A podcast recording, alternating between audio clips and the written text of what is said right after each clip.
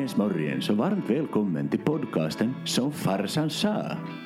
Här hyllar vi den soliga staden Vasa, ger oss i kast med aktualiteter och promenerar längs med minnenas Hartmangränd. Podden spelas alltid in när jag cruisar i bil och som grädde på moset lottar jag alltid ut en dosa snus på sociala medier efter varje nytt avsnitt. God lyssning!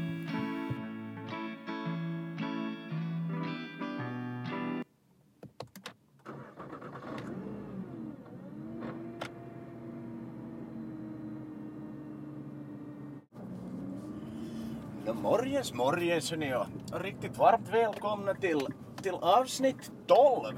Tror jag vi har hunnit upp till. Det vill säga ett helt dussin avsnitt har vi bakom oss.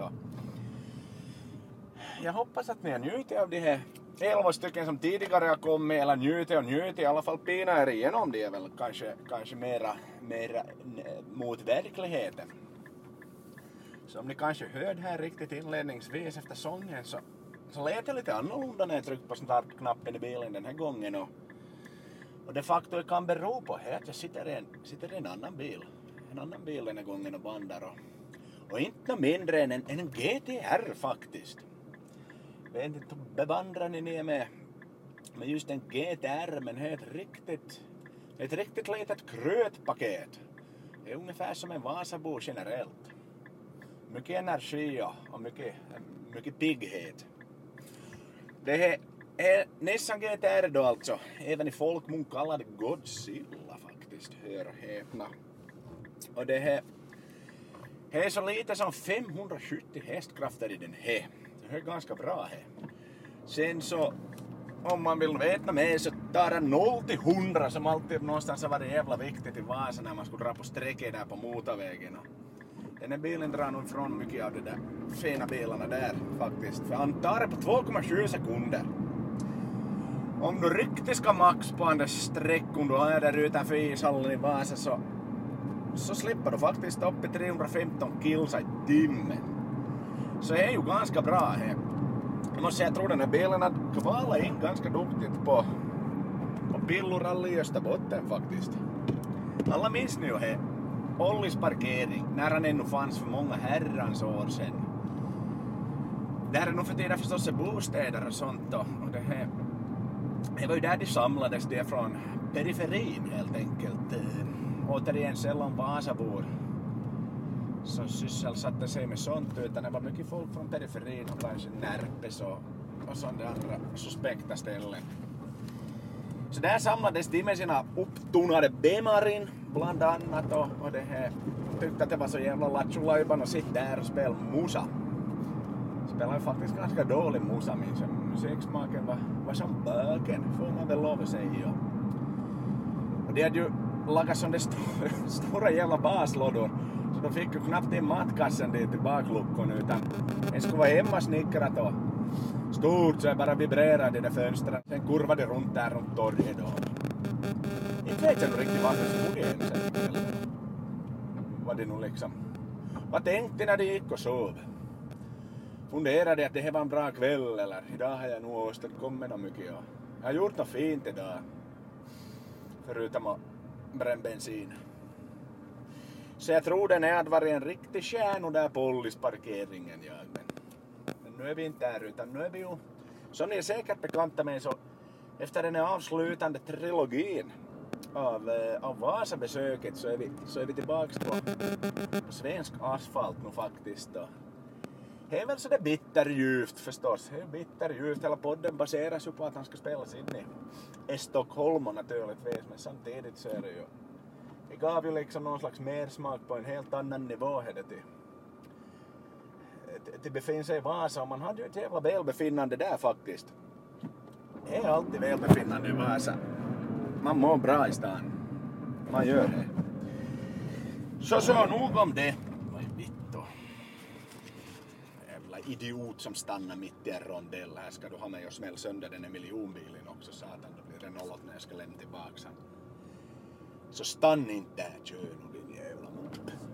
En rondella kör man i, man stannar. Svenskan tror att det är som trafikljus inne i rondellerna.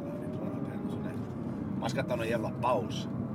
Kanske jag med kaffetermos och fika de och stannar och äter där en stund satan. Speciellt inte en sån här bil. Yes! Hörni, jag läste om... Jag jag har varit mycket snack om skarvarna i Österbotten. Det har varit en längre tid faktiskt. Och vi vet ju alla att de, kanske inte är det som gynnar naturen och miljön på bästa sätt utan de för att tala klarspråk så pissar och skiter de väl ner alla öar så att växtligheten dör ut. Om jag förstått det hela rätt men, men nu är det någon slags aktivister i Vasa som har fått, fått för sig att hänga upp hänga upp sk- skarvar i vägskyltar och jag vet man ska inte skratta åt det här men jag vet inte är det någon av er som lyssnar här, som, som rent av är en av de där som hänger upp skarvan i vägskyltan, så sätt gärna ett mail åt mig och berätta vad ni tänkt. Det känns ju som någon sån här, jag vet inte, dra liknelse till någon vilda västern eller någon sån här gamla indianby när man hänger upp några voodoo-huvud någonstans liksom för att skrämma folk. Och det är ju ganska absurt alltså. Först har de då haft livet av Anders Garven naturligtvis, för jag tror ju inte att de har liksom stött på honom på deras kvällspromenad i skogen att åh, här var ett liksom ett kadaver av en fågel utan, utan det här, de har nog där helt enkelt bara haft livet av honom. Och sen har de liksom varit hem och hämtat några snören.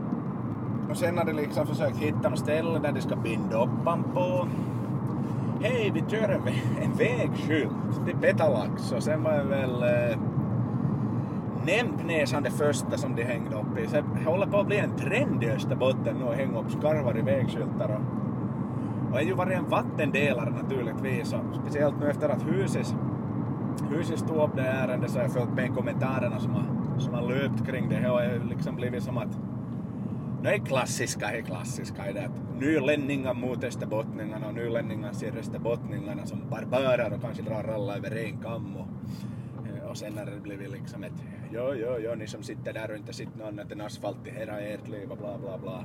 Så det blir ju som en sån här helt idiotisk diskussion men men eh, som sagt, eller om ni känner någon som vet något om de här skarvan som som knyts upp. Jag ska inte röja mina källare med så att jag får höra någonting, men jag skulle jättegärna vilja veta vad jävla resonemanget går i huvudet.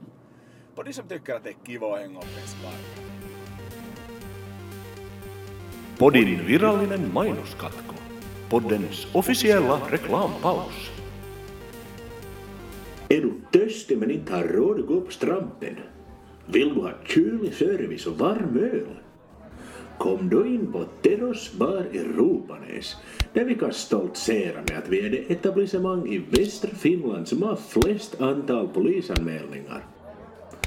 Har du inte en kniv i fickan när du kommer in så kan vi garantera att du har en i ryggen då du stapplar ut.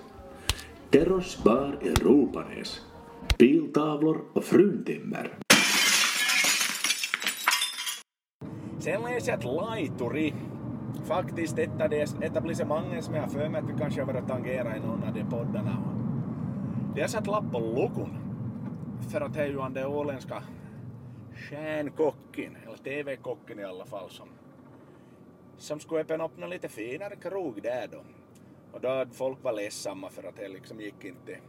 Ett av de få ställena i Vasa som man får vara som sig själv i och man får komma klädd hur man vill, stod det. Eh, sen nog säga att jag tycker att alla Vasaställen är lite, är lite så. Det är nog sällan jag har liksom blivit utkastad från en krog för att man inte har haft smokingen på. Hörni, lyssna på det här.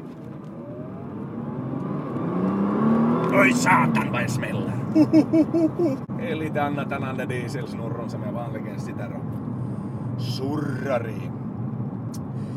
Hur som haver, så den hade stängt. Vad har vi annat som är nytt och rapporterar? Vasa Royals, som jag nämnde om i det sista avsnittet faktiskt när jag körde förbi Karlsplan, så de har kvalificerat sig hela vägen till FM-final i amerikansk fotboll. Så stort grattis till Vasa Royals och vi håller tummarna till bär hela vägen där och ni bärgar hem guldet i Vasa där det alltid hör, har hört och där det alltid hör hemma. Sen läste jag att det öppnats ett nytt gym i Vasa, där i Terrasgränden. Så det är ju bra faktiskt, så får Vasaborna bli ännu starkare.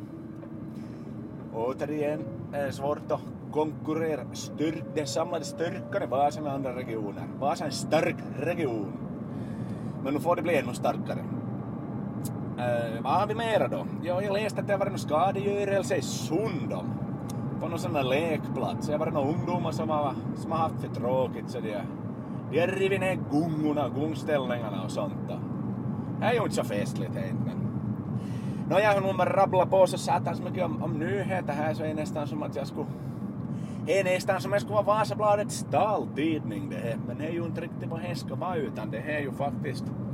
Det är en podd som ska behandla, i och för sig aktuella, dagsaktuella ärenden men... Men det är eh, inte kanske på det sättet.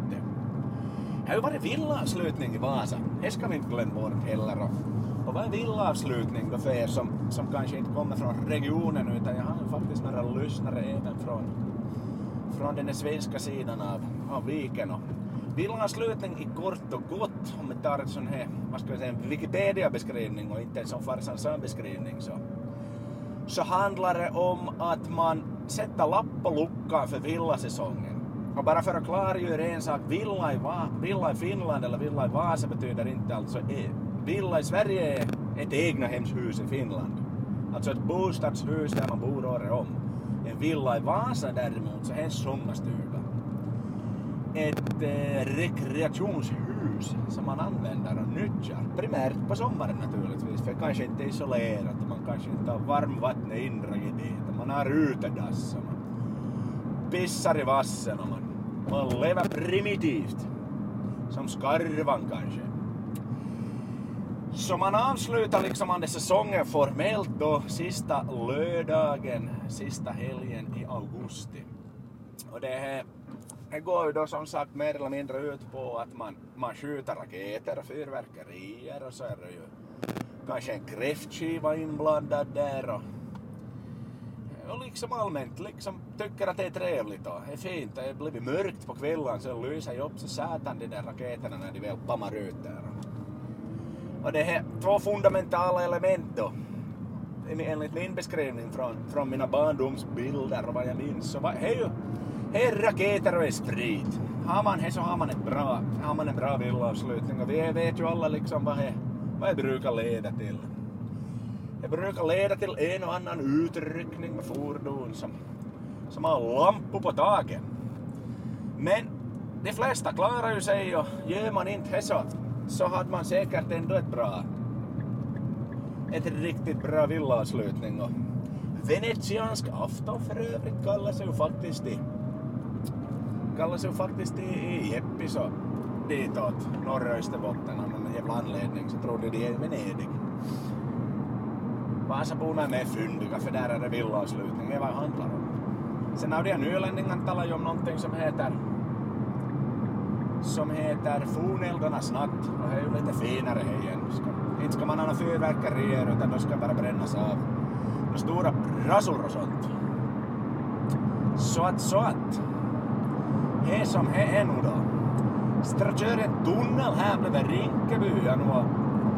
Det är ju faktiskt det är lite som det är lite som Vasas Ropanäs, skulle man kanske kunna säga det finns mycket potential men jag kanske inte blivit, blivit riktigt behandlat på det sättet som jag, som jag borde bli behandlad på. Men, men vi känner ju alla till att all, all, alla känner vi ju något maskrosbarn som har vuxit upp i Europanäs också och blivit, blivit till någonting. Så, så hoppet, hoppets, hoppets låga kommer aldrig att slockna även om du kommer därifrån det är inte så mycket näsan i vädret utan det, de lever med det de har med och är nöjda för det. Och med det så tänkte jag faktiskt ta och summera ihop den här podcasten för den här gången och tackar än en gång för att ni lyssnade. Det var en fröjd att ha er med där i fartyget ska ni veta, eller i sportbilen som vi sitter i den här gången. Tackar och